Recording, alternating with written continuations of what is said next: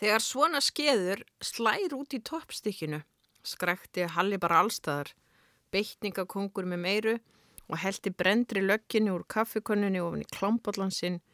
Eitt daginn er þannig eins mikið listaverk og bolli garrans, en það vantaði enþá mánaða byrður að kveikjurum til að Halli bara allstaðar geti fagnað þeim áfanga. Þannig er það nú bara Halli minn, saði Garrin og smjattaði af áförki á sætabröði. Bakkelsi var með betra móti því kokkurinn hafi gefið þeim sem hófi vinnu og annan í jólum aðvendubaksturinn úr mötuneytinu. Segir hver, hvaði Halli bara allstaðar. Hann myndi á langveikan mann með gráan hárbrúsk og munviki niður dregin undir innföllnum kinnum. Garrin hristi höfuð í uppgjöf og leitt byggjand á þriðja félagan, kvika náunga sem hætti aldra að brosa. Alltaf skein í skögultönnina í gladlega samanpyrðu andlitinu og þegar hann nýttu höfðinu til feiktist hártoppur frá augunum, sléttur með strípum og hætti breykdansara áratýjunum áður. Ég skil ekki segja, sönglaði hverki, því það var ekki nómið að maðurinn brost alla daga, heldur hrjáðan líka króniskur hverkaskítur. Ég getur samt sem áður sagt ykkur eitt. Eija leitt letilega á hverka. Ef hann þúttist hafa eitthvað að segja, þá hlautið að vera skára en ekki neitt. Garrin hugsaði eitthvað svipað, hann blikkaði hann að sposkur og gaf frá sér kumrandi ánægi hljóð. Ég líðu engu, ég garantira það. Þetta er eins áraðilegt og ég sjálfur, sitjandi hérna, ábyrðist hverki og starfið skínandi björtum augum á þau. Svona kottu með það, saði Garrin. Hverki yðað af spennu, staðráðan í að treyna eftirvæntinguna eftir fremsta megni. Ef þú segir ekki eitthvað, þá nenni ég þess ekki lengur, hótaði Halli. Þá er ég bara farin. Farðu það bara, skríkti hverki og leiti íbyggin á eigu. Blikkaði hana og reynda að stæla hægan töffaran í garranum þegar hann leti skína áberandi vel í skögultönnina. Síðan kvíslaði hann, nú getum við bara ringt í þau. Ringt hvert, spurðu garrin. Hverki leiti á stelpuna og ránkvöldu augunum skjál brosandi yfir heimskunni í formanninum en misti munvíkin slittistlega niður þegar eigi endur tók spurninguna. Já, hvert ættu það að ringja? Og auðviti þau, dánu. Garin hóstaði og stóð upp með látum, sagðist ekki hafa allan daginn til að babla einhverja djúvulsins vittlesu. En ég er að segja ykkur. Hann ennir ekkert að hlusta og langa bara að gera hó-hó með henni þarna, fullirti Halli kvotróskin, eins og ég sjáu það ekki á honum. Eigi lifti ekki brúnum orðin hættulega samdöna klæmnum aðdróttunum sem ringdi yfir hana frá mótni til kvölds, líkt á þar fáu konur sem hættu sér inn í beitningakofan, virki farandverkamanna sem áttu hvergi samastað því þjóðfélagið var óðum að hrista af sinn menningu þeirra. Þeir hefðu komið aðvífandum leið og flóðið sópaði fjölskyldunum burt úr þorpunu. Fólki sem ekki dó var margt ennþá fyrir sunnan, sumar fjölskyldunar áttu aldrei eftir að koma tilbaka.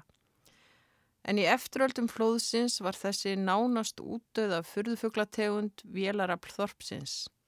Farhandverkamenn í leita fristuhúsi, báti eða beitningaskúr.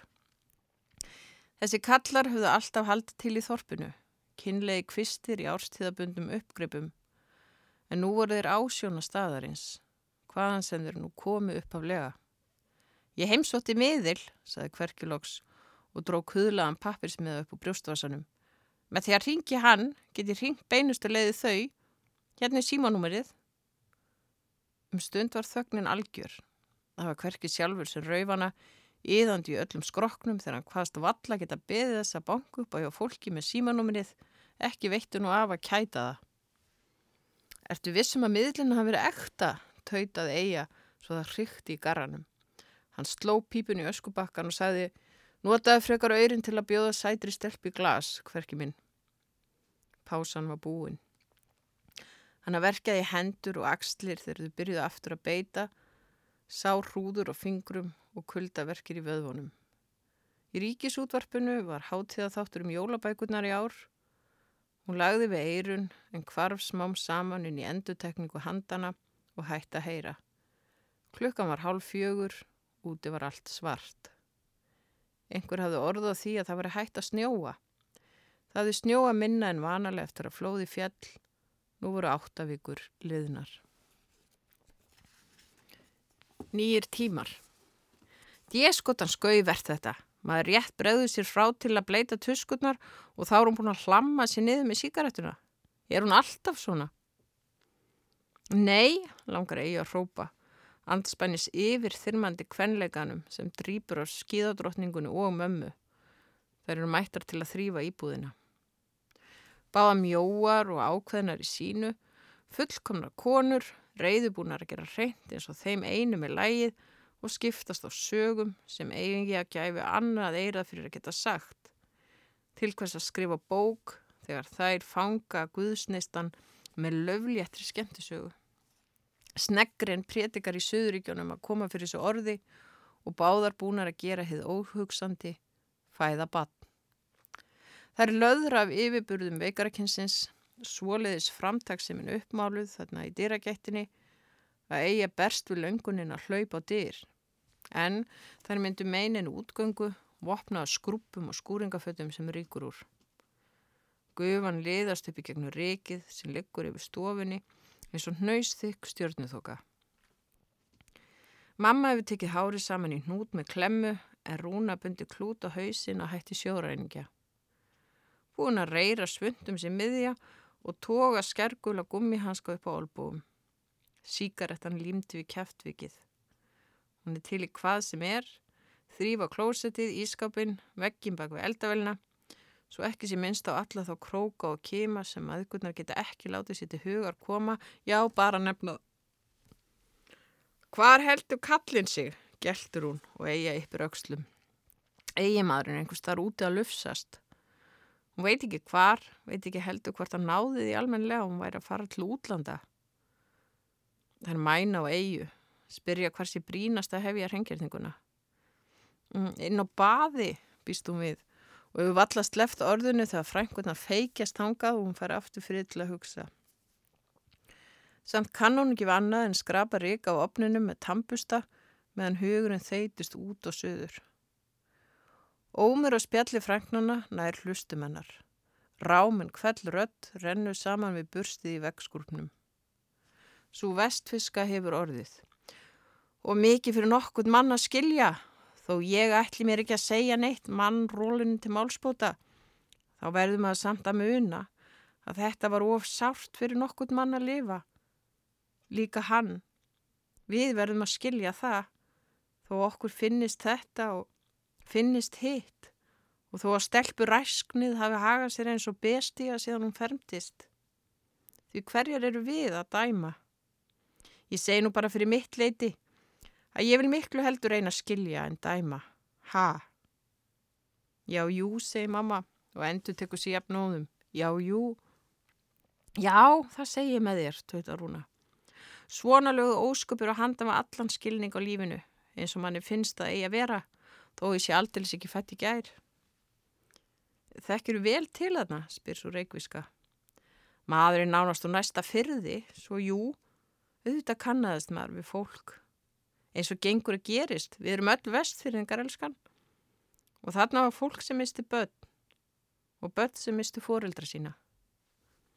Hinn andvarpar hugsa sér að svona skuli geta gerst á Íslandi. Svona gerist akkurat á Íslandi, segir svo vestfyrska. Skindilega kvefsinn þegar hún minnir þar á að týna sér ekki kæft af aðli ef það er ætla að komast út úr þessu bakturju bæli fyrir miðnætti. Já, elskan, já, segir mamma en hikar svo og spyr hvernig var þetta árið þessu ósköp dundi við vestlingsfólkið. Nú barast allt í söldum blóma, ansar Rúna og fyrir gang með vexgrúpinn af slikum fítónskrafti að eiga heyri sápuna freyða.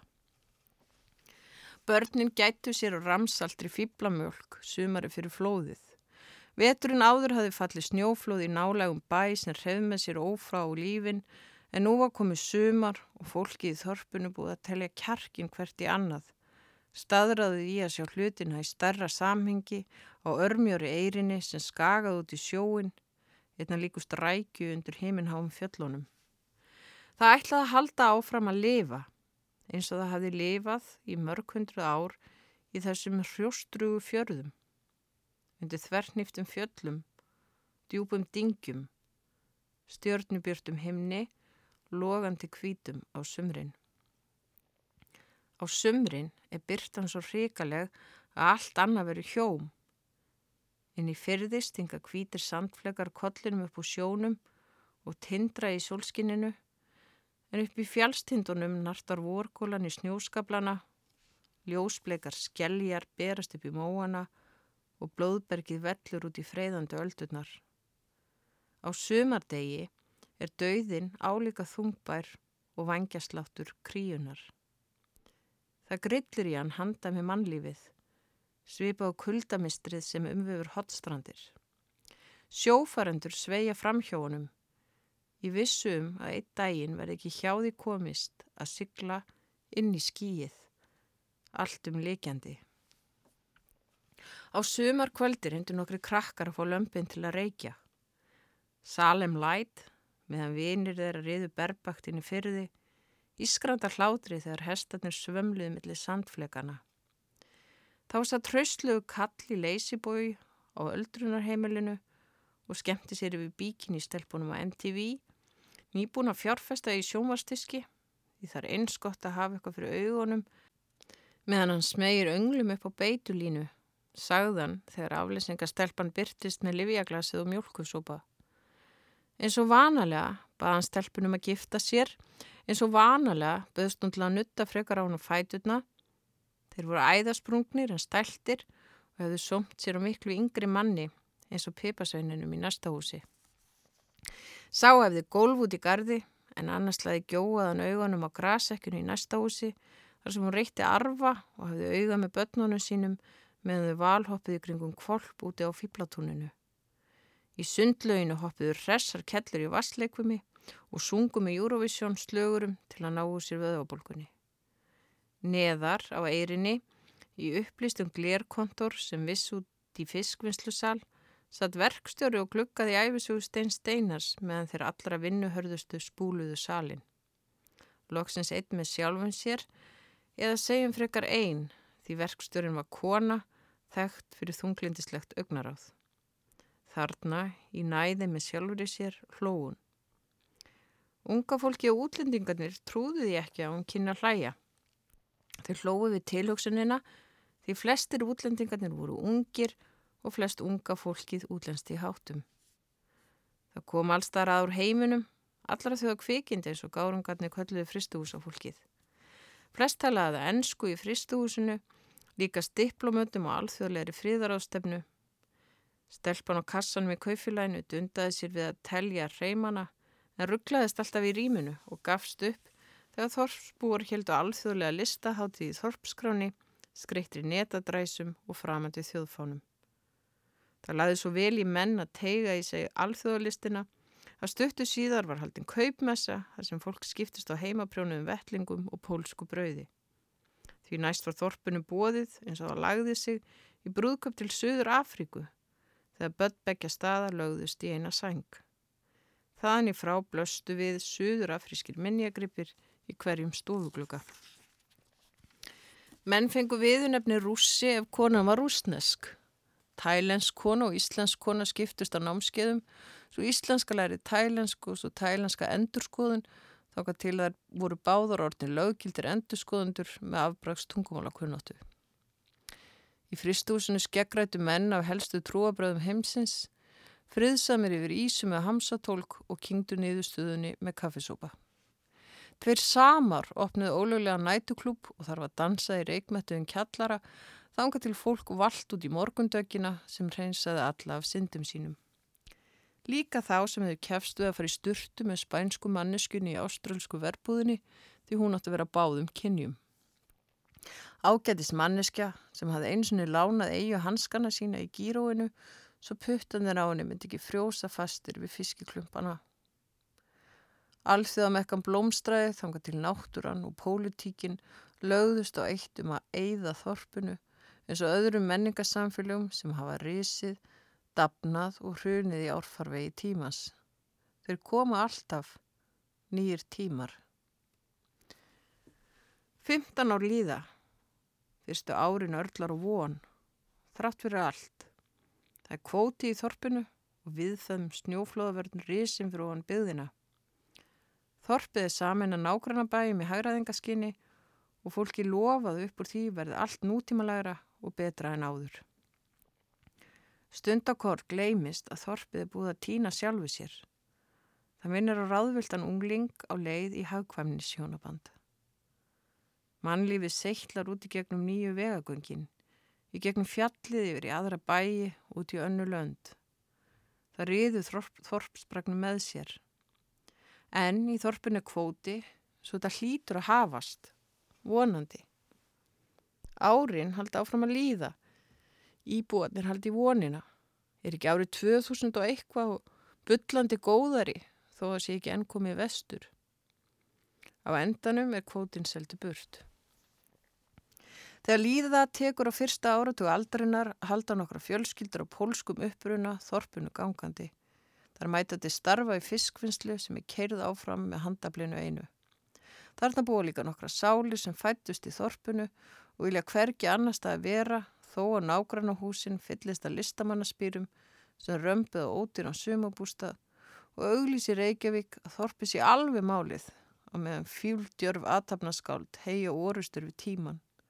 Hella sér út í fyrirfram tapaðan bardaga þegar þau keppast við að halda fiskvinnslunni gangandi með öllum ráðum og von um leigukvóta og umframkvóta.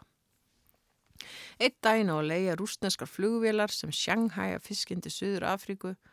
Það næsta í kurteisum katalónum búið alla leðin á heimsenda í barbecue, koniakstreitil og ferska, havanavindla, vissnistal út í bjartri sumanútt við snarkandi varðeld sem deyr út. Líkt á vonin þegar mann vakna glærir af þingu, löngu eftir að snjóflóðið sópaði burt sagleysinu. Loks klárast vindladnir. Lúpinnan grær á varnarvegnum í fjálsliðinni. Þíski stangveðimenn róa út á dagskvóta í morgunsárinu til að veða ísu sem þeir grilla á kvöldin. Kona á Reykjavík tekur við gömlu bókabúðinni og selur bækur eftir vikt. Engurinn dættur í huga selja lífrænar bygghugur á þorpsbarnum. Arfi sprettu við yfirgefi skrifstofuhús sem eitt sem var hjarta bæjarins grotna nú niður með planka fyrir hverjum glugga. Nútíminn skýtur rótum. Fyrsti áratugurinn í nýja árþúsundi liðin eins og hendi var í veifað. Það var sama hvað aðtapnaskáldin reyndu, þau gátt ekki fjármagna dagana eins og þeir voru þá sumarið fyrir snjóflóðið. En á morgun kemur nýr dagur og nýjum degi fylgja ný skáld. Hvað er ein orusta í löngu stríði? Garranu kom aldrei til hugar að trúa morgundaginn. Ekki átt á þorp því síð mannlífið.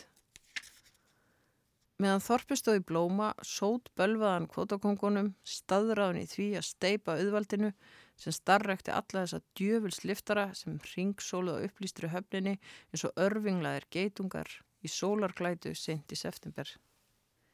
Garrin eigði bara myrkrið, við hverju öðru var að búast.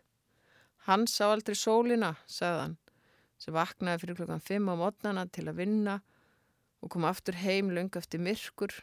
Ef hann var heppin, sleikti bláleit dagspyrt að skallan á honum á leiðinin í mötuneit í hátegismat. Strax um kaffileitið var orðið dimt. Þannig var það bróðupartin úr vetrinum. Þó skárein að fara út á sjó Hann var löngu búin að fá nóga því helvíti. Byrtudreitillin sem iljaði garranum yfir háveturinn lendist í glösunum sem hann leti skrifa hjá sér og barnum.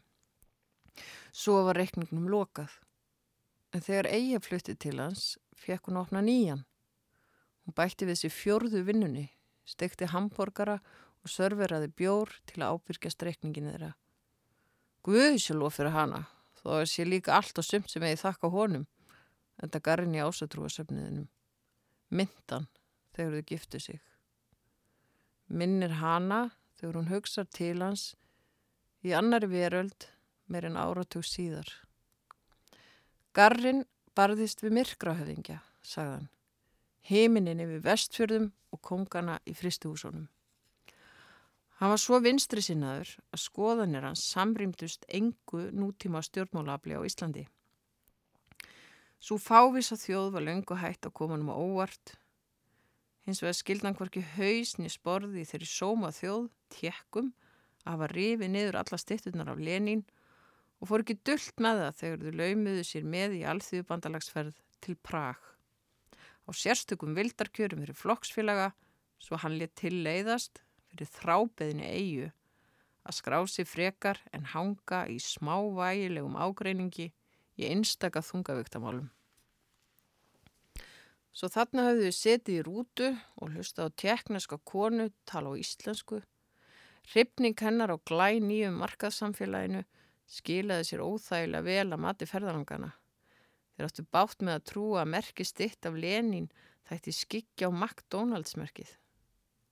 Garinn klóraði sér í hausnum með vandlætinga svip og kvíslaði eigu að farastjóra skvettinu væri hotlast að kynna sér helvítis hreppa íhaldið á klakanum að hún heldi áfram að syngja ramfalskan Halleluja söngin. Dæin eftir ofböð honum svo Amerikuvæðingin í höfuborg romantíkurinnar að hann lind ekki látum fyrir að þau fundur lest til versmiðuborgarinnar Pilsen þar sem átti skoða heimsfræg á bjórversmiðu og þef upp í gamla kommunista í niður gröfnum kráarkvelvingum. Það sögði í honum hláturinn þegar hún mótmælti. Auðvitað vildum freka svífum í kastalanum, þarna efstu á hæðinni sem líst upp dúkkuleg húsin í Prag, en ekki á hverjum degi sem hún röldum í ævintýri. En svo hún tilleiðast að stíga inn í ævintýrið hans. Hann var jú, eftir allt saman, söguhetja úr skáldsögu og hún vildi lifa eins og í skáldsögu.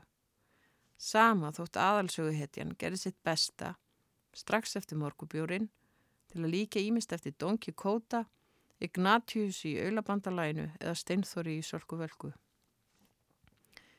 Í rútu og leðin aftur frá Pilsen til Prag drafst hún í trúlofið uppi aukslinn og hermanni og rökku upp með blöytar kinnar því slefið úr henni hafi vætlað einkennisbúningin. Hermaðurinn reyndi svo örkumlaður að kurtið hann deplaði ekki auga en það kurraði garranum í sætun og andspannist þeim. Ljómand af hamingu í þetta eina sinn meðan rútan hendist fram hjá trágerðum og sólinn varpaði munstri og þrútið andlitið svo hann mynd á löfukjar í skuggalegúsi. Svipuðu því sem þau höfðu séð út á götu í Björborginni kvöldið áður. Á leiksviðinu dansaði sjaplín við öskupusku. Dúkkurna voru fagrar á klossaðan hátt en brúðuleikarinn svo fingrafimur að hún hafi gefið honum klink í hattin sinn og lokaði augunum meðan unnustinn þusaði við bröðlinu í henni að henda peningum í betlara. Viss hún hversu marga bjóra mætti kaupa fyrir klinkið í þessu landi? Var hún kannski að reyna við þannan dúkku vittlising? Hún heyri frænkurnar vinda úr töskunum. Rúna kvíslar einhverju af mömmunar. Eija hættist nöggvast að hamast á tampustanum og leggu við hlustir. Orðaskil örlaðanornana eru óljós meðan það leika sér að framtíðanar. Hvað má hún ekki heyra? Sveik alla þessi maður, ekki á einu orði mark takandi hjá honum. Hún vissi það frá sínu fólki, búin að ringja nokkuð símtöl og, og svo sem ekkit sem það sagði sem hún þóttist ekki vita fyrir. En samt, eiga mætti ekki fara aftur til hans. Ónýtt jóngur, vesalingur, nabrari norðan garrin, svo kaldur að undan svíður. Alla, alltaf. Auðvitað eru þær að skilja hann hefði lifað þessu ósköp. Skilja hann hefði átt sitt líf eins og aðrir Hann væri ekki alls slæmur, þannig séð, og vafalust mest í ljúflingur veldursporið, en hann mætti ekki koma nálagt stelpur raskatinu aftur. Aldrei, hún skildi sko sjá til þess, Rúna Sigugrimsdóttir, það skildi hún sko svoleiðis aldeilis hvað sem það kostaði.